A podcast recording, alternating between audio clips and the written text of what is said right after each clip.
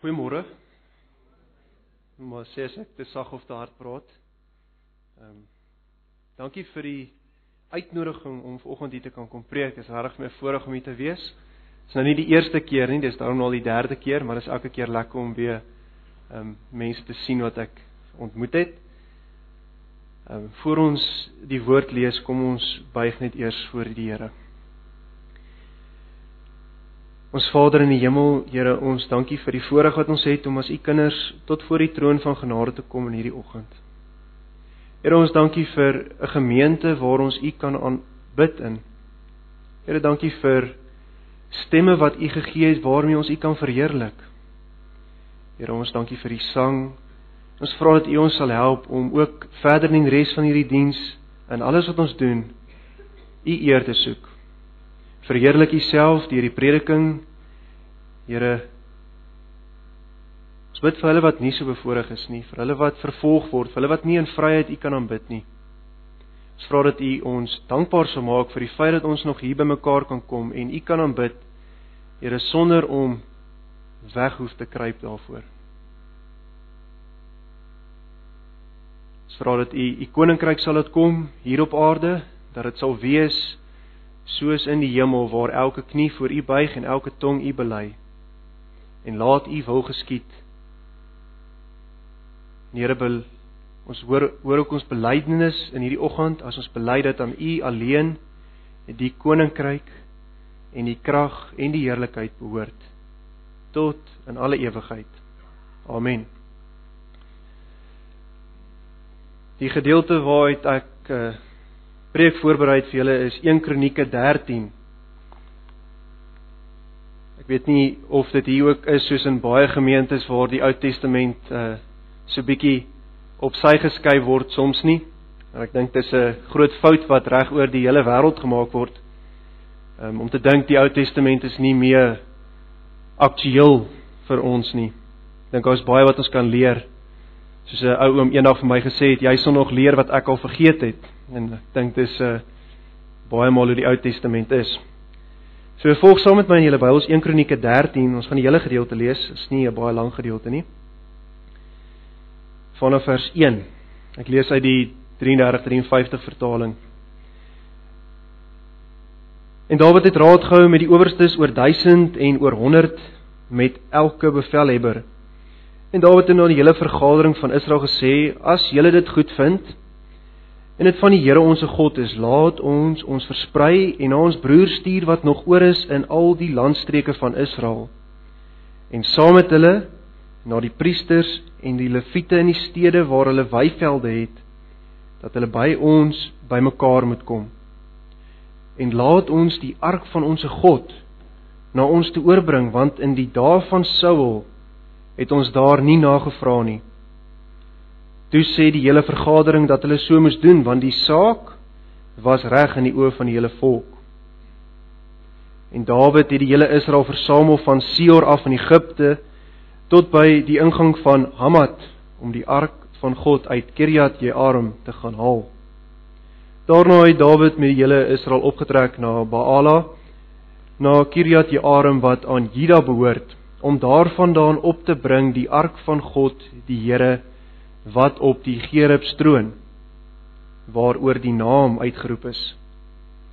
En hulle het die ark van God op 'n nuwe wa vervoer uit die huis van Abinadab en Usa en Agjo het die wa gedrywe. En Dawid en die hele Israel het voor die aangesig van die Here met alle mag gespeel, sowel met liedere as met siters en harpe en tamboeryne en simbale en trompette. Toe hulle by die dorsvloer van Kidon kom, het Usa sy hand uitgesteek om die ark vas te hou, want die osse het gestruikel. Daarop het die toorn van die Here ontvlam teen Usa en hy het hom getref omdat hy sy hand na die ark uitgesteek het, sodat hy daar voor die aangesig van God gesterf het. En Dawid het ontroerd geword omdat die Here 'n skeer aan Usa geskeur het. Daarop het hy die plek genoem Peres Usa tot vandag toe. En Dawid het daardie dag vir God bevrees geword en gesê: "Hoe kan ek die ark van God na my toe bring?" Daarom het Dawid die ark nie by hom in die stad van Dawid laat inkom nie, maar dit laat wegdraai na die huis van Obed-Edom die Getiet. En die ark van God het by die huis van Obed-Edom in sy huis gebly 3 maande lank. En die Here het die huis van Obed-Edom geseën met alles wat hy gehad het. Tot sover die woord van die Here. Kom ons buig net weer ons hoofde en vra die Here ons sal verhelp help om hierdie te verstaan voor ek dit verklaar. Vader Here, dankie vir die woord, dankie vir die waarheid. Ons vra dat U ons harte voor sal berei en ontvanklik sal maak vir U woord. Here, gee dat die gedagtes van ons hart en die woorde van ons mond U welbehaaglik mag wees. En lei ons deur die Gees om U woord te verstaan en die waarheid reg te sny. Ons bid dit om Christus ontwil. Amen. Die tema vir vanoggend wat ek gekies het is wanneer opregtheid en liefde bo waarheid begin staan.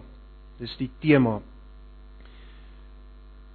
Nou in hierdie gedeelte net om 'n bietjie agtergrond te gee, het, het Dawid 'n plan. Hy wil die ark terugbring na Jerusalem toe om die Here daar te kan aanbid. En Dawid het 'n plan gehad om die koninkryk uit te bou nie net tot 'n tot 'n nasionale mag nie, maar ook as 'n as 'n geestelike baken. Nou die nasies aan die noorde was reeds bang vir Israel gewees want hulle was in hierdie tyd een van siel en een van sin. Ons lees dit daar in vers 4 wat hy sê toe sê die hele vergadering dat hulle so moes doen want die saak was reg in die oë van die hele volk. As gevolg van hierdie eensstemmigheid was die mense om hulle bang. Nou met hierdie nasionale herstel en hierdie ekonomiese vooruitgang in hierdie tyd begin die volk Israel weer te vra na hulle herkoms. Waar kom ons vandaan? Wat is ons geskiedenis? Hulle staan op die ou paaie en kyk terug en vra waar die goeie weg is dat hulle daarin kan loop. En in hierdie opgewondenheid oor oor die nasie wat vooruitgang, besef Dawid dat daar iets is wat kort. Hulle gaan ekonomies vooruit en fisies vooruit, maar geestelik is daar 'n probleem. En dan besef hy wat dit is, dis die ark, die teenwoordigheid van God wat nie daar is nie. En dan kry hierdie feestelike skare bymekaar om dan uiteindelik die ark te gaan haal. En hierdie gebeur in kontras met wat Saul gedoen het. Ons lees daarvan in die einde van vers wat hy sê dat want in die dae van Saul het ons daar nie na gevra nie. Nou kom ons staan net 'n oomblik bietjie daar stil want ons leer iets hierso reeds aan die begin van hierdie teks al. Dit is dit is goed as 'n volk, as 'n land as 'n nasie aan die brand is. As hulle 'n begeerte het om God te wil dien. Dis goed. Goed as 'n nasie God vreesend wil wil wees en God op die regte plek wil sit. Maar is ook goed as 'n volk leiers het wat weet hoe om die tye reg te interpreteer en hoe om die woord van God reg van toe te pas in omstandighede. Sal dit later sien leiers kan 'n mens dom 'n hele volk maak of breek. So luister, luister mooi wat wat hier gebeur. Dis Dawid en die leiers van die nasie wat die hele nasie aanspoor om weer God te vrees en om te dien. En dis wat hierdie teks so interessant maak. Die nasie wat weer hulle geestelike herkoms ontdek. En as ons nou dink, mense kan hierso stop en sê en hulle het lank lank gelukkige lewe en alles het goed gegaan verder. Maar dis nie, dis nie die storie nie. Dis nie wat die Here hier openbaar nie. Die Here wil ons iets hier leer. So ons gaan vandag kyk na die teks in 3 dele. En hierdie dele gaan beweeg in konsentriese sirkels, 'n groot sirkel, kleiner sirkel en nog 'n kleiner sirkel. Begin by nasie, gaan dit na die kerk toe en dan gaan dit na persoonlikheid toe. En die drie punte is as 'n nasie van God weet maar hom nie ken nie. as as hulle nie die kennis van God het. Dis die eerste punt. Die tweede punt gaan wees as die kerk God vergeet. En die derde punt as 'n man God vergeet. Nou die drie punte gaan ek nie weer noem nie. Ek gaan dit probeer in mekaar vleg dat dit meer samehangend is. So Dawid vergader 30000 manne. Ons het nou nie in hierdie gedeelte gelees nie, maar in 2 Samuel sê hy vir ons bietjie meer in detail wat presies gebeur het versamel 30000 manne om na Kiriat Jearim te gaan om die ark te gaan haal. Want die ark staan in die huis van Abinadab. En wat gebeur het is in die tyd van Eli, ja, hulle ken seker die storie van Hofni en Pinehas wat 'n uh, goddelose seuns was van die hoofpriester Eli. Hulle gaan toe gaan voer oorlog en hulle verloor die oorlog en die ark van God word weggevoer. En hy gaan na die Filistyne toe. En daar bly die ark tot nou toe. Maar intussen het daar so 'n klein dingetjie gebeur. Die Filistyne vat toe die ark en hulle sit dit in die tempel van hulle god Dagon en daar gebeur allerlei dinge. Dagon lê die een môre op sy aangesig, die volgende môre is sy arms afgebreek. En die Filistyne word deur plaag getref en hulle besef die ark kan hulle nie hier hou nie. En hulle gee basies die ark terug aan Israel. En toe hulle 'n plek moet kry om die ark te sit, toe is Abinadab die een wat genader word. Nou die die naam Abinadab beteken vrygewigheid en dit dit pas in hierdie hele prentjie.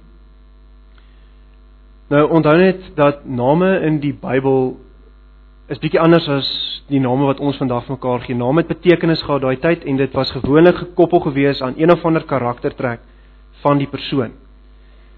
Nou Abinadab vrygewig. Dis sy karakter. Toe hulle 'n plek moet kry vir die ark, toe sy die eerste een wat hulle nader.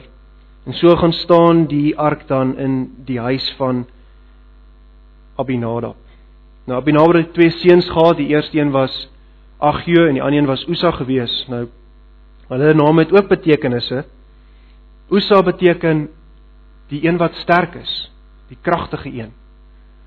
Agjo beteken die broederlike een, die een wat liefdevol is.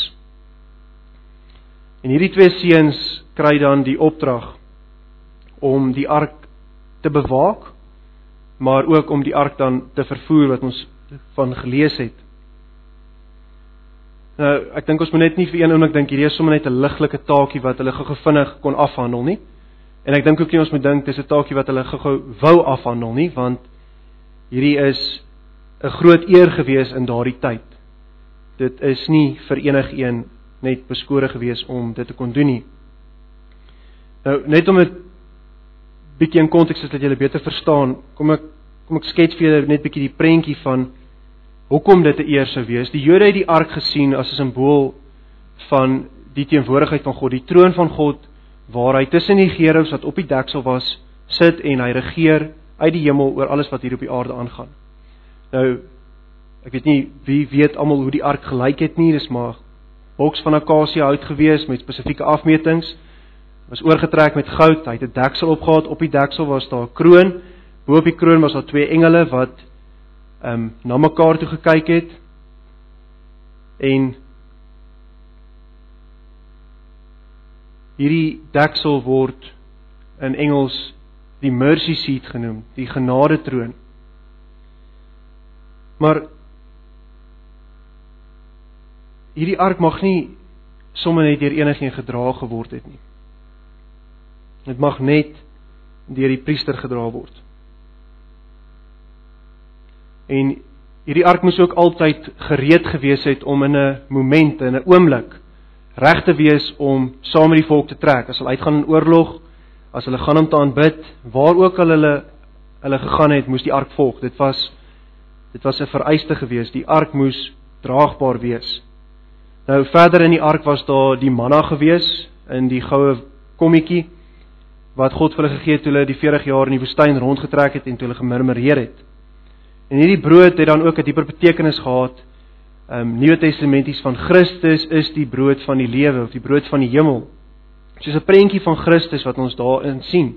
Dan was daar ook in die ark die wet gewees. En ons weet Christus het in die Nuwe Testament gekom en gesê ek kom nie om die wet te ontbind nie, ek kom om die wet te vervul.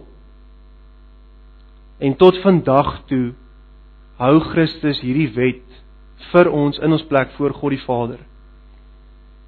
Hy hou nooit daarmee op nie. Hebreërs maak dit vir ons baie mooi duidelik. Hy tree vir ons volkome in. En die laaste ding wat ook in die ark was, is die staf van Aaron wat gebloei het. Wat die Here se manier was om te wys wie die hoëpriester is wat hy sou kies. En hierdie staf word dan in die ark gesit wat 'n beeld is ook van Christus as ons hoëpriester, die een wat God aangewys het vir ons. Nou al die dinge was in die ark van God en dan om gevra te word om die ark op te pas was 'n groot eer en 'n taakie wat enige leviet sou begeer. En nou trek Dawid af om hierdie ark te gaan haal. Hy wil die ark terugbring. En nou moet ons ook nie dink dat hierdie iets was wat agter die skerms gebeur het nie. Hierdie was 'n nasionale gebeurtenis. As as dit vandag moes gebeur het, sou elke nuuskanaal daar gewees het en dit uitgesaai het oor die televisie en oor die radio. Dit sou 'n 'n groot gebeurtenis gewees het. En voor hierdie 30000 manne, hierdie weermag van Dawid, loop Usa en sy broer Agjo. Hulle het die voorreg om hierdie optog hierdie feestelike skare te lei. Nou in my kop in my kop sien ek al vir Usa en Agjo. Ek dink nie hulle het daar op die op die wa gesit bot kalm en rustig nie. Hulle lei hierdie feestelike skare. Ek dink hulle het daar gesit en gedink, hulle is die hy is die een. Ek is die man.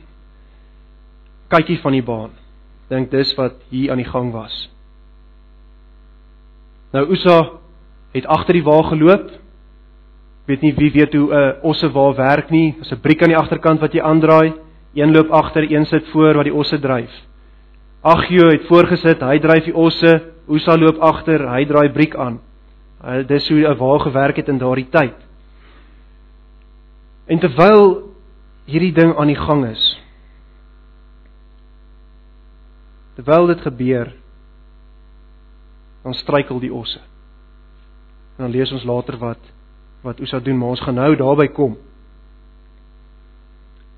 So net die konteks, se feeslikheid, dis die se omstandighede.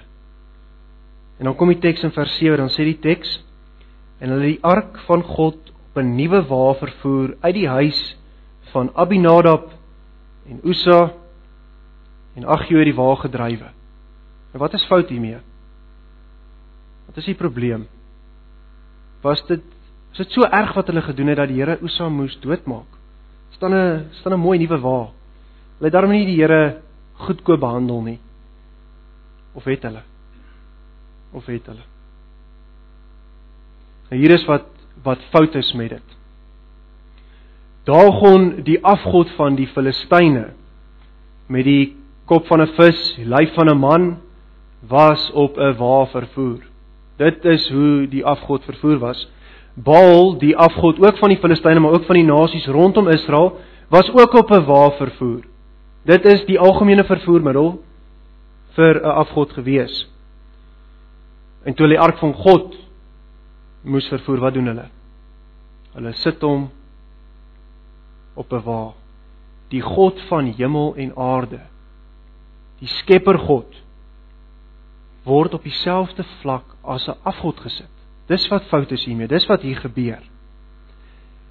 Hulle vat die God van die Bybel en sit hom op die vlak van 'n God wat nie eens bestaan nie, op die vlak van Dagon en Baal. En dan kry mense so kwaai gevoel rondom hulle. Kon nie van beter weet nie. Maar voordat ons te kwaad raak vir Dawid en vir Usa en Abinadab en Agjo en die mense wat hier betrokke was. Dink ek moet ons eers 'n bietjie op ons eie tone trap en die vraag vra: Waar sit ons God in ons lewe? Op watter vlak het ons hom geplaas? Is hy met die omstandighede in Suid-Afrika, is hy op dieselfde vlak as ons geliefde demokrasie? Dis hom op daai vlak gesit. Is op dieselfde vlak as jou inkomste. Is dit jou is dit jou God? Is op dieselfde vlak as jou gunsteling palmleser of kristalbal waarseer. Weet nie of dit in die konteks van ons so algemeen is nie, maar daar's mense wat daarmee besig is. Zodiac signs, horoscope readings. Waar sê hy? Is op dieselfde vlak as dit? Is op dieselfde vlak as Allah vir jou? Of of op die vlak as Boeddha? Dooie God.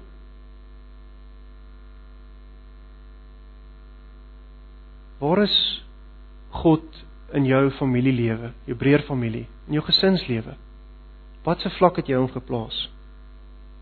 By jou lewe by die werk. Watse vlak is hy daar? Of is hy maar dieselfde as die ander werkers om jou se gode? Almal een. Watse vlak plaas ons God in ons lewe?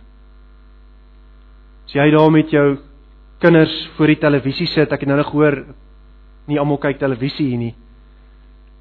Maar as jy daar met jou kinders voor die televisie sit en jy weet dit raak laat, my kinders raak moeg. Ek moet nog Bybel lees vir hulle, huisgodsdiens.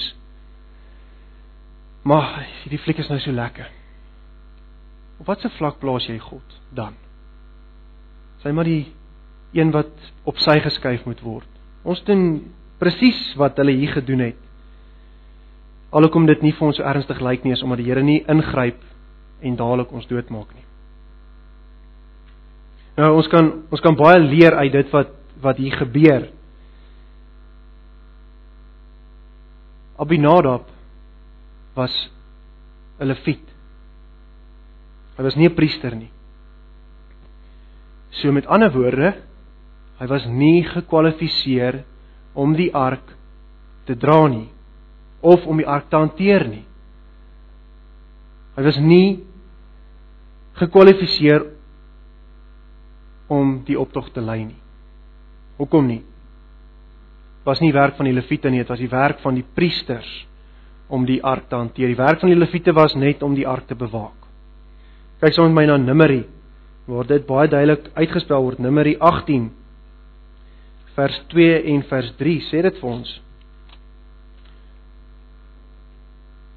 Daar staan En laat ook jou broers, die stam van Lewi, die stam van jou vader, saam met jou naderkom, dat hulle by jou kan aansluit en jou dien, terwyl jy en jou seun saam met jou voor die tent van die getuienis is en hulle moet jou diens waarneem en die diens van die hele tent, maar naby die voorwerpe van die heiligdom en naby die altaar mag hulle nie kom nie dat hulle nie sterwe nie. Hulle sowel as julle nie. Abinadab, Usa en Agjo was nie gekwalifiseer om hierdie ark te dra nie. Nou met nog erger te maak, Usa en Agjo was nie eens leviete nie. Hulle was net die seuns van 'n leviet gewees. So hulle is nog minder gekwalifiseer as hulle pa. So was Dit was nog 'n stapie terug wanneer dit kom by kwalifikasies om wel die ark te hanteer. Maar die vraag is, hoe gebeur so iets? Hoe staan so agteruitgang? Abinadab stel sy seuns aan in posisies wat hy nie die mag het om hulle aan te stel nie. Nou, ek dink ons kan hier iets uit leer en ek dink ons net so oomblik hier stil staan. Daar's 'n reël wanneer dit kom by etiek. Ek weet nie of almal weet wat etiek is nie. Etiese vrae. Die eerste reël is ek het nie die mag of die reg om iemand anders die mag of die reg te gee om die reg te hê of om die mag te hê om die wet van die Here te breek nie. Ek het dit nie. Dis die eerste reël van etiek. Maar Abinadab eien homself die mag en die reg toe om aan iemand anders, sy seuns, die mag en die reg te gee om God se wet te breek. Dis nie vir hom geoorloof nie. Nou ek dink ons het in Suid-Afrika 'n hele spul mense in posisies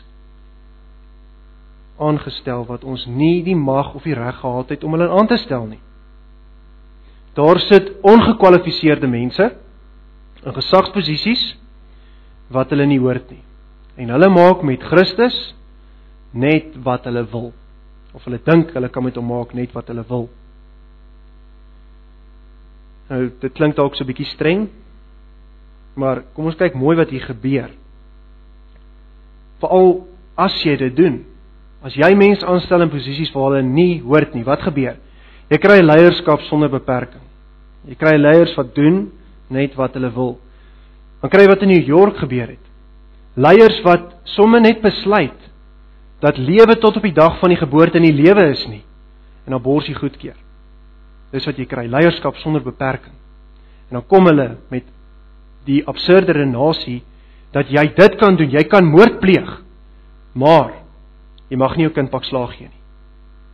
Die die redenasie vermoë ongekwalifiseerde mense in posisies wat hulle nie moet wees nie. Nou gaan vir julle 'n prentjie skets dat julle kan verstaan wat die oorsaak is van hierdie hierdie verval. Agjo en Usa en Abinadab pas die ark op vir jare en jare.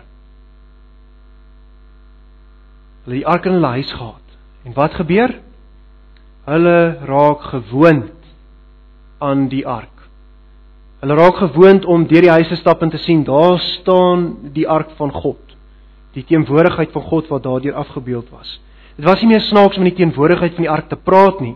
Dit was nie meer snaaks gewees om in die teenwoordigheid van die ark te loop nie. Dit was 'n gewoonte gewees.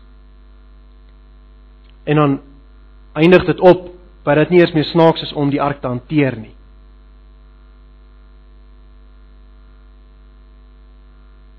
Nou, hier is die probleem. Ons het te gemaklik geraak met God. Ons het gemaklik geraak met die heiligheid van God.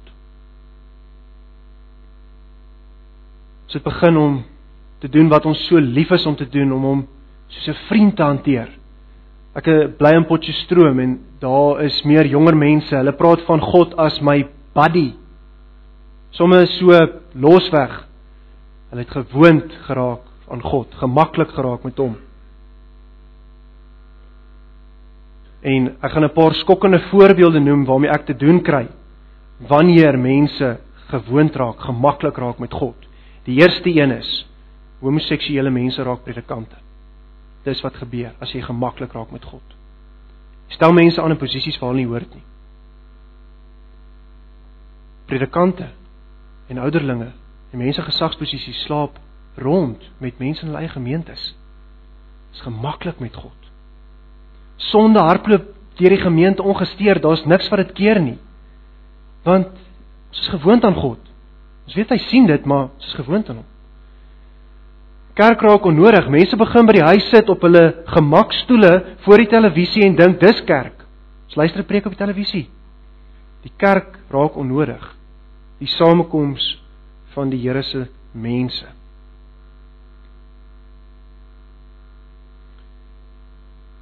As 'n kerk God vergeet en gemaklik raak met God, dan opereer sy nie meer uit geloof uit nie, maar sy opereer uit die fondse van die kerk. Dis wat gebeur. Dis gemaklik raak met God. As kerk gemaklik raak met God, dan doen sy nie meer sending nie. Sy gee nie meer geboorte nie. Dis wat sending is. Mense wat inkom, nuwe geboorte. Sy bereik nie meer sondaars nie. En kerk doop ook nie meer nie. En waar dit sê, stap die water uit die doopbad uit want die muskietlarwes gaan daarin broei. Dis wat gebeur as 'n kerk God vergeet. Skokkende voorbeelde. Maar dis wat gebeur as mense gemaklik raak met 'n heilige God.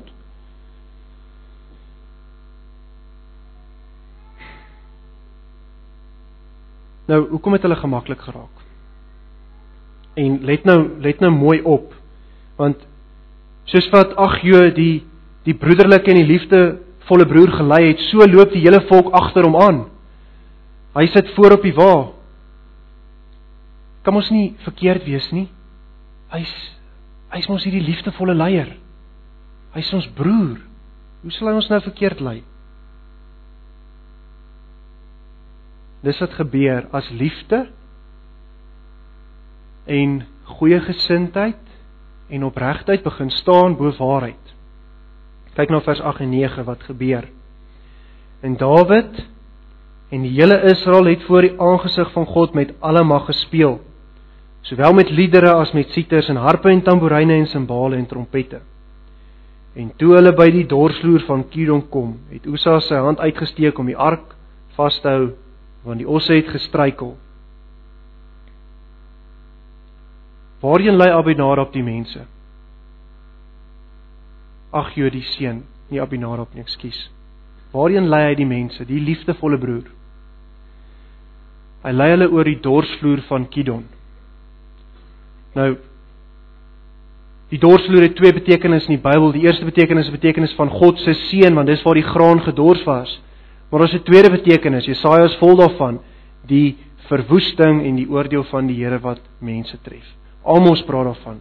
Micha praat daarvan. Kom ons kyk na die gedeelte in Micha 4 vers vers 12 en 13.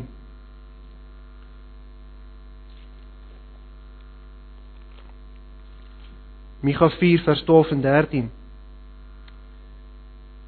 Maar hulle ken nie die gedagtes van die Here nie en verstaan nie sy besluit nie dat hy hulle versamel het soos gerwe op die dorsvloer Staan op en dors, o dogter van Sion, want ek sal jou horings yster maak en jou kloue koper en jy sal baie volke fyn trap en jy sal hulle onregverdige wins aan die Here toewy en hulle rykdom aan die Here van die ganse aarde. 'n beeld van die Here se verwoesting.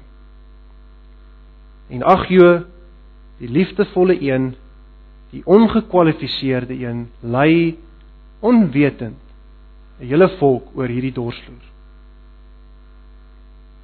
Dit is gevaarlik om God op jou eie manier te wil dien. Dis wat hier gebeur het. Onkunde wat met Agjo die probleem was, kan jou doodmaak of die een wat jou volg. In Agjo se geval het dit sy broer doodgemaak, Usa. Nou my my storie dan nog erger te maak, kom Usa die sterk een, die sterk broer En wat doen hy?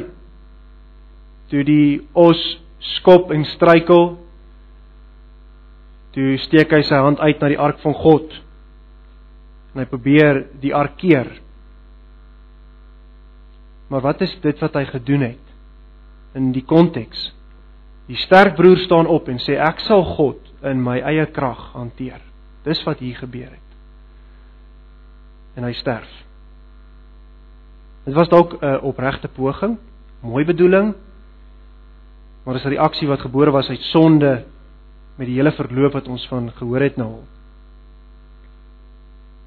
Ons weet, hulle mag nie ark aangeraak het nie. Dis 'n direkte opdrag gewees. Die Bybel is vol daarvan.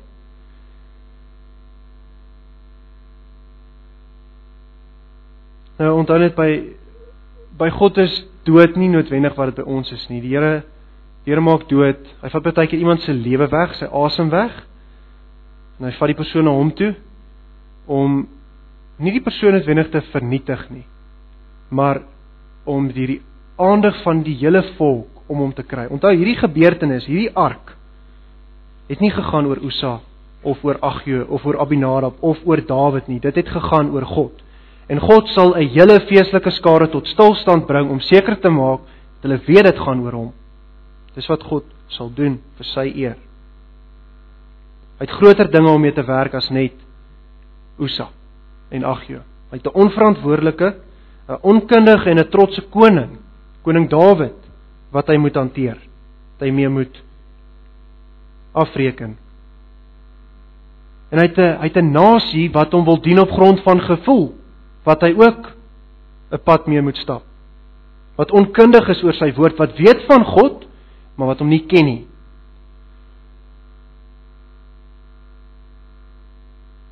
En hierdie nasie werk God mee want hierdie nasie is die nasie wat sy teenwoordigheid, wat sy evangelie na alle volke, tale en nasies toe sou vat. Nou, dit klink alles soos goed wat in die Ou Testament gebeur het. Dis nie meer vir ons nie. So hoe is dit van toepassing dan vir ons vandag? Jesus is ons ark. Hy is die een wat gekom het wat die teenwoordigheid van God in die vlees hier vir ons was. En wat sy Gees nou vir ons gegee het wat in ons woon. Jesus is ons ark. Hy is die brood van die hemel, die brood van die lewe. Hy is die nuwe verbond wat op ons harte geskryf is. Hy is dit. Hy is die hoëpriester wat aangewys is deur God self. En hy is die een wat tussen die gerub sit en vir ons intree tot vandag toe. Dis hoe dit van toepassing is vir ons. Dis nie net vir hulle gewees nie. Hulle het die simbole gehad daarvan. Ons het die werklikheid nou al. Christus sit in die hemel en hy tree in vir ons. So dit van toepassing is. Nou is 'n paar lesse wat ons hieruit kan leer wat ek wat ek wil uitlig. Die eerste les is moenie Jesus op 'n nuwe waas sit nie.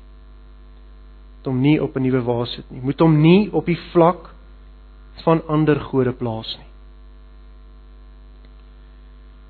Petrus leer ons dat ons 'n koninklike priesterdom is. En as priesters het ons dan die voorreg om die ark in die wêreld in te dra. Nou dis nie leviete wat die reg gehad nie, dis die priesters wat die reg gehad om die ark te dra. En ons is in Christus konings, priesters en profete, maar hierso spesifiek in Petrus sê hy ons is koninklike priesters. Ons moet die ark van God in die wêreld indra. Maar hoe gaan ons dit doen? Gaan ons hom op 'n nuwe waas sit? Gaan ons metodes van die wêreld vir evangelisasie begin gebruik? Vyf stappe om ongelowiges te bereik of gaan ons die die Bybel vat en Jesus uitdra in die wêreld? Dis nie allerlei wêreldse metode nie. God het bepaal vir die ark dat die ark deur draagstokke gedra moet word. Die draagstokke waardeur ons die ark in vandag se tyd Nuwe Testamenties dra, is belydenis en getuienis. Dis waardeur ons dit dra in die wêreld in. Getuig van hom as jy in die wêreld is. Bely hom voor mekaar. Dis die draagstokke waardeur ons Jesus in die wêreld indra. Belydenis en getuienis.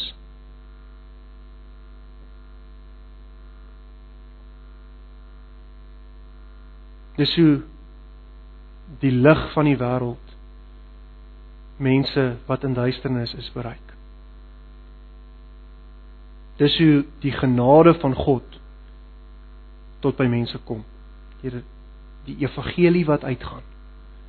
Nie op allerlei snaakse metodes nie, maar deur belydenis en getuienis. Die tweede les wat ons hieruit leer En die les kom uit hoofsaaklik vers 9. Toe hulle by die dorsvloer van Kidon kom, gaan oor die dorsvloer, waaruit ons 'n les moet vat. Ons moet leer om nie te gemaklik oor die dorsvloere van die lewe te loop nie. Nou wat is dorsvloere van die lewe? het 'n paar hier genoem. Een is die internet. Die internet is 'n dorsvloer van die lewe. Daar's dinge wat ons op die internet kry. Een daarvan is pornografie. Wat doen pornografie? Dit tap jou leeg. Dit verteer jou gebeente. Dit vernietig jou gesin, dit vernietig die kerk, dit vernietig die samelewing. Dis 'n dorsvloer van die lewe en ons moenie te gemaklik met hierdie dinge omgaan nie dit dompel mense in verknorsing. 'n dorsvloer. TV sonder kontrole is 'n dorsvloer. Dis vernietigend. Jy hoef nie te dink aan groot goed soos drakhuise en kuierplekke nie. Jy kan aan hierdie ander goed dink. Van die plekke waar jy werk is dorsvloere. Van die plekke waar jy swat vir die jonger mense hier, vir die plekke waar ouers julle julle kinders heen stuur, is dorsvloere. Wees versigtig. En vra die vraag: Hoe gaan jy Christus oor die dorsvloer van hierdie lewe dra? gaan jy hom op 'n nuwe wa sit. Gaan jy kompromenteer. Gaan jy hom maar soos die ander nasies dien. Is dit wat jy gaan doen? Of gaan jy hom met die draagstokke van belydenis en getuienis oor hierdie dorsvloer van die lewe dra in nederigheid en in afhanklikheid van God terwyl jy bid en sê Here bewaar my van die bose en lei my nie in versoeking nie. Is dit hoe ons dit gaan doen? Ons lees in vers 11 dat Dawid kwaad geraak het en ontroerd geraak het oor dit wat gebeur het hier.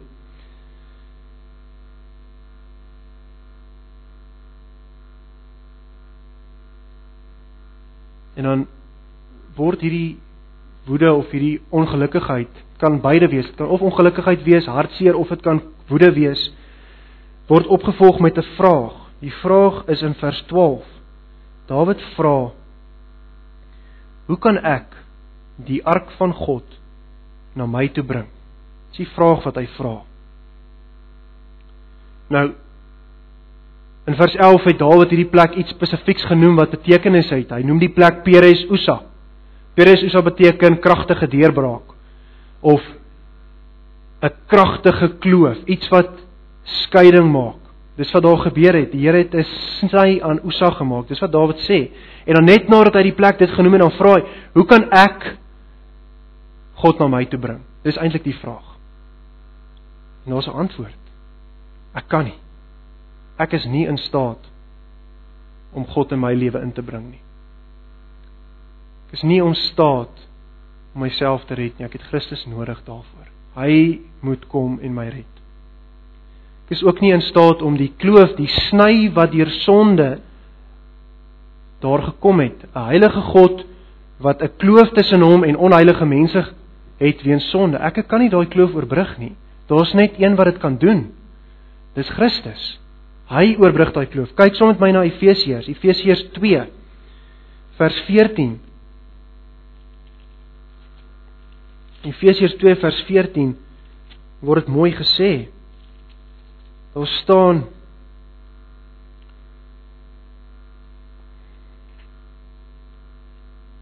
dat ons in die tyd voor toe ons nog nie Christus geken het, ons in die tyd sonder Christus was, ons was vervreemd van die burgerskap van Israel en vir vreemdelinge ten aansien van die verbonde van die belofte sonder hoop en sonder God in die wêreld. Maar nou in Christus Jesus het julle wat vroeër ver was naby gekom deur die bloed van Jesus Christus want hy is vrede. Is ons vrede. Hy wat albei een gemaak het en die middelmuur van skeiding afgebreek het. Hierdie kloof tussen heilige God en onheilige sondige mense word gebrug deur Christus. Hy is die enigste een wat die teenwoordigheid van God, wat die ark van God weer na ons toe kan bring. Ek kan dit nie doen nie. Dit is nie moontlik vir 'n mens nie. En ons sien daarvan in die profeseer iets In in Micha 2 vers 12 en 13 word daar 'n profesie ge, gegee dat die Here 'n oorblyfsel van die volk sal behou laat bly, maar dat daar 'n deurbraak, 'n deurbreker sal kom. Dieselfde woord Peres word daar gebruik om deur te breek.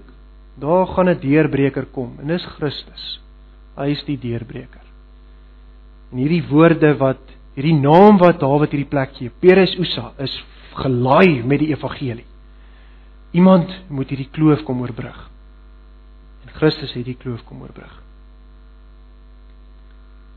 Dis die hoop van hierdie gedeelte. Maar kom ons kyk net 'n bietjie na die effekte dan van hierdie brug wat Christus gebou het. Dit is die laaste 2 verse vers 13 en 14 wat ons sien dat Dawid sê hy kan nie die ark na hom toe bring nie en hy laat dan die ark gaan na Obed-Edom die Getiet en daar bly die ark dan vir 3 maande en die Here seën dan die huis van Obed-Edom en ons sal afsluit met hierdie Die huis gaan die die ark gaan staan in die huis van Obed-Edom. Nou Obed-Edom beteken dienskneg van Edom. Edom is heidene gewees. Hulle is nie gelowiges nie. Hulle is nie die volk van God nie.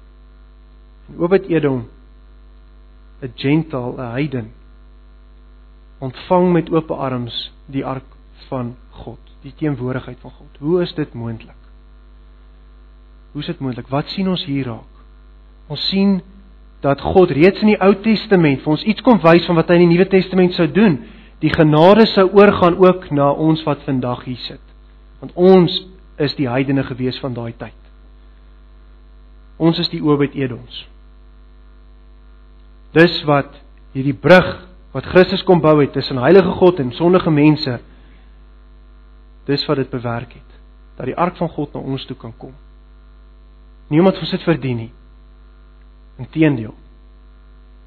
Maar omdat hy besluit het hy sal die ark na ons toe bring. So ons leer iets van God se genade. Die Ou Testament is nie 'n vredeboek nie. Daar's vrede goed in die Ou Testament. Maar die Ou Testament is nie 'n vredeboek nie. Die Ou Testament is 'n boek vol genade wat vir ons iets sê van wat God sou doen en wat hy kom doen het in Christus.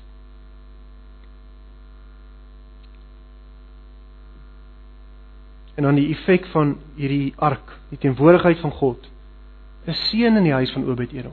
Dit's nie vervloeking soos in die huis van die Filistyne waar God plaas hier nie, daar's seën. Nou moenie hierdie seën sien as net finansiële vooruitgang of goed nie. Dink ook geestelik oor hierdie goed. Geestelik is hy geseën. Hy was verwyder van God, hy was ver wat ons in Efesiërs 2 gelees het. Ons was voor Christus ver van God af, maar nou het ons naby gekom deur die bloed van Jesus. Dis die grootste seën wat ons kan ontvang. Ons kan hom ken. En hy het dit vir ons bewerk.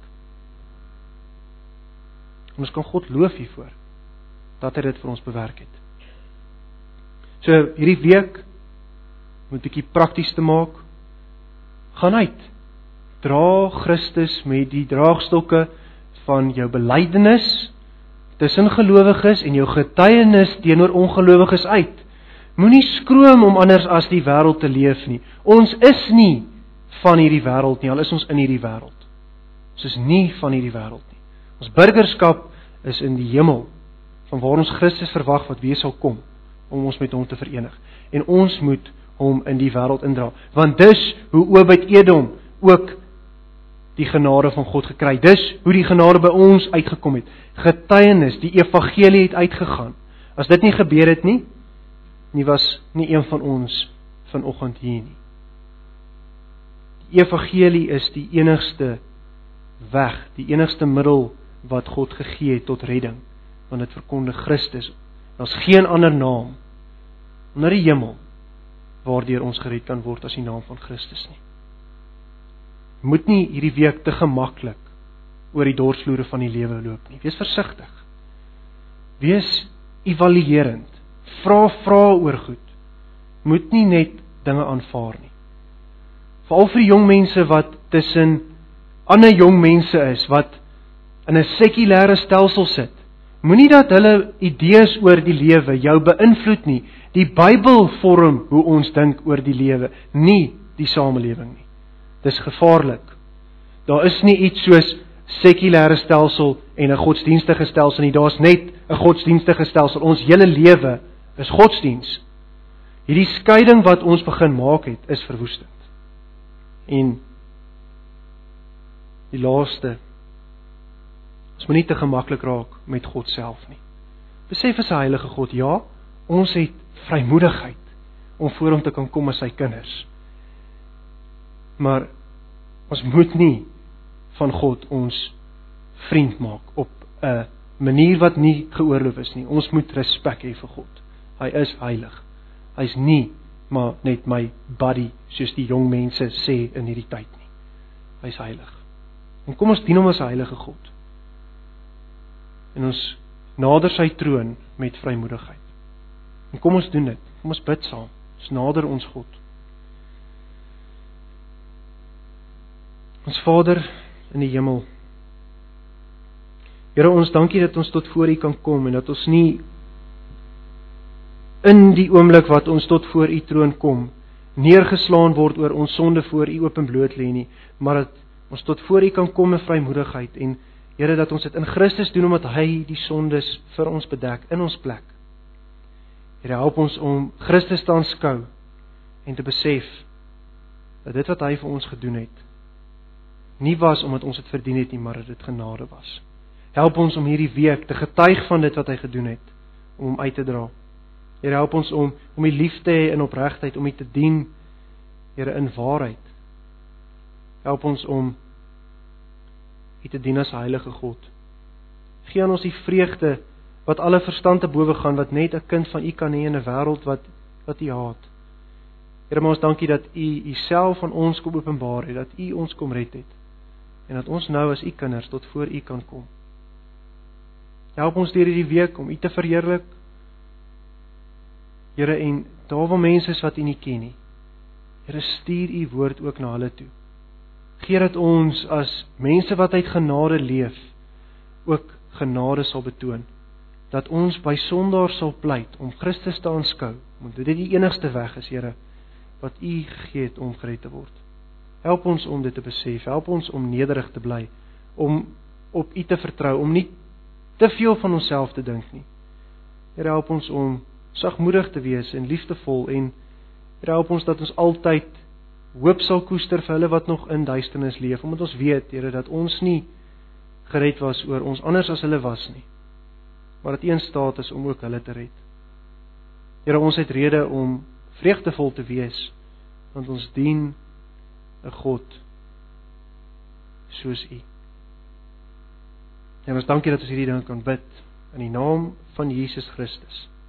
Die genade van die Here Jesus Christus en die liefde van God die Vader en die gemeenskap met die Heilige Gees sy met julle almal.